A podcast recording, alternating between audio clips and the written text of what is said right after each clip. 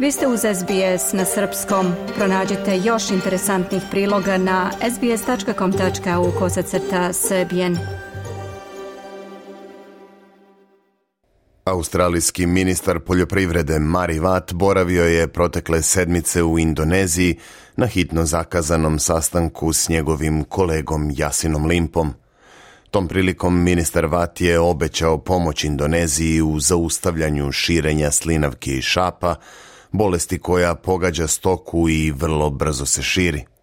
Vat je po povratku iz Džakarte predstavio i višemilionski paket savezne vlade za sprečavanje prenošenja ove zarazne bolesti u Australiju, izveštavaju Geret Boram i Tanja Dendrinos za SBS News.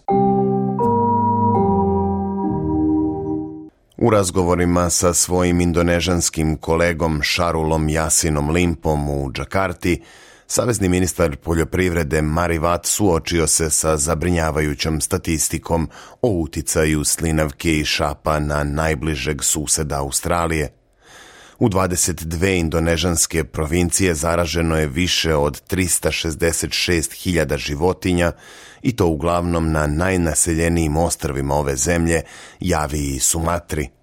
Prema podacima iz Džakarte, skoro 2500 grla već je umrlo od ove bolesti.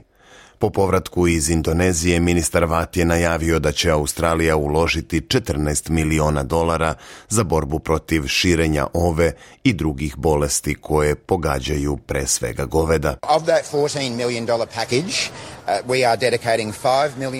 Od paketa od 14 miliona dolara, 5 miliona ćemo izdvojiti za neposrednu podršku Indoneziji, Istočnom Timoru i Papu Novoj Gvineji. Time će se pružiti podrška distribuciji vakcine protiv slinavke i šapa i kvrgavih kožnih bolesti. Pružit ćemo i tehničku podršku za jačanje laboratorijskih kapaciteta, dijagnostičko testiranje i niz drugih stvari.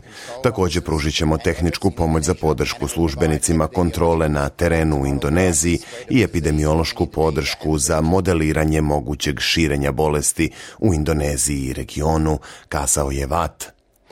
Kako je saopšteno, još 9 miliona dolara namenjeno je za sprečavanje širenja slinavke i šapa u Australiju.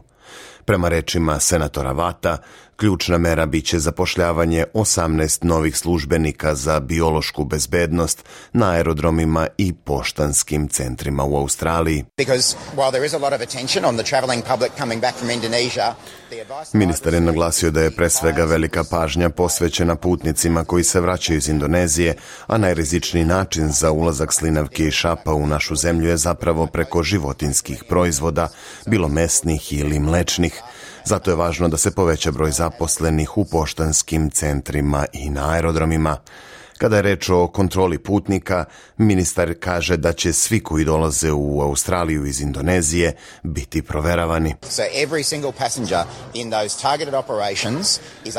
Svakom pojedinom putniku u tim ciljanim operacijama će se postavljati pitanja, bit će uključeni i psi koji će također pregledati prtljag i obuću putnika, a sve to kako bismo bili sigurni da šaljemo snažnu poruku da svi ovo treba da shvatimo ozbiljno, istakao je ministar Vat. Prema rečima dr. Phoebe Ridford iz CSIR-ovog centra za spremnost na bolesti, Pretnja slinavke i šapa zaista jeste izuzetno ozbiljna.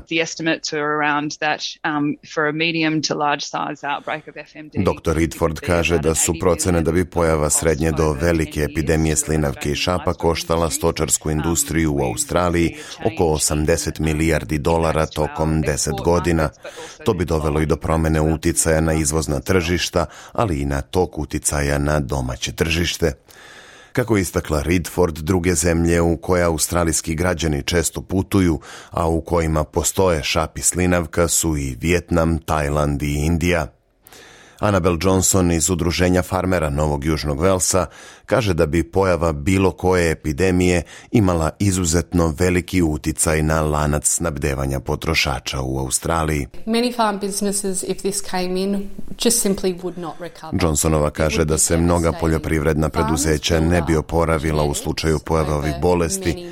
Epidemija ne bi nanela veliku štetu samo farmerima, već bi opustošilo i regionalne zajednice i preduzeća koja se oslanjaju na poljoprivrednike. Također bili bi pogođeni svi građani Australije kroz nemogućnost nabavke mesa ili nestašicu mleka za jutarnju kafu, objašnjava jedna od čelnica udruženja farmera Novog Južnog Velsa. Moje ime je Branko Cvetojević. Ostanite uz SBS na srpskom. Dajte like, podelite, komentarišite. Pratite SBS Serbian Facebook profil.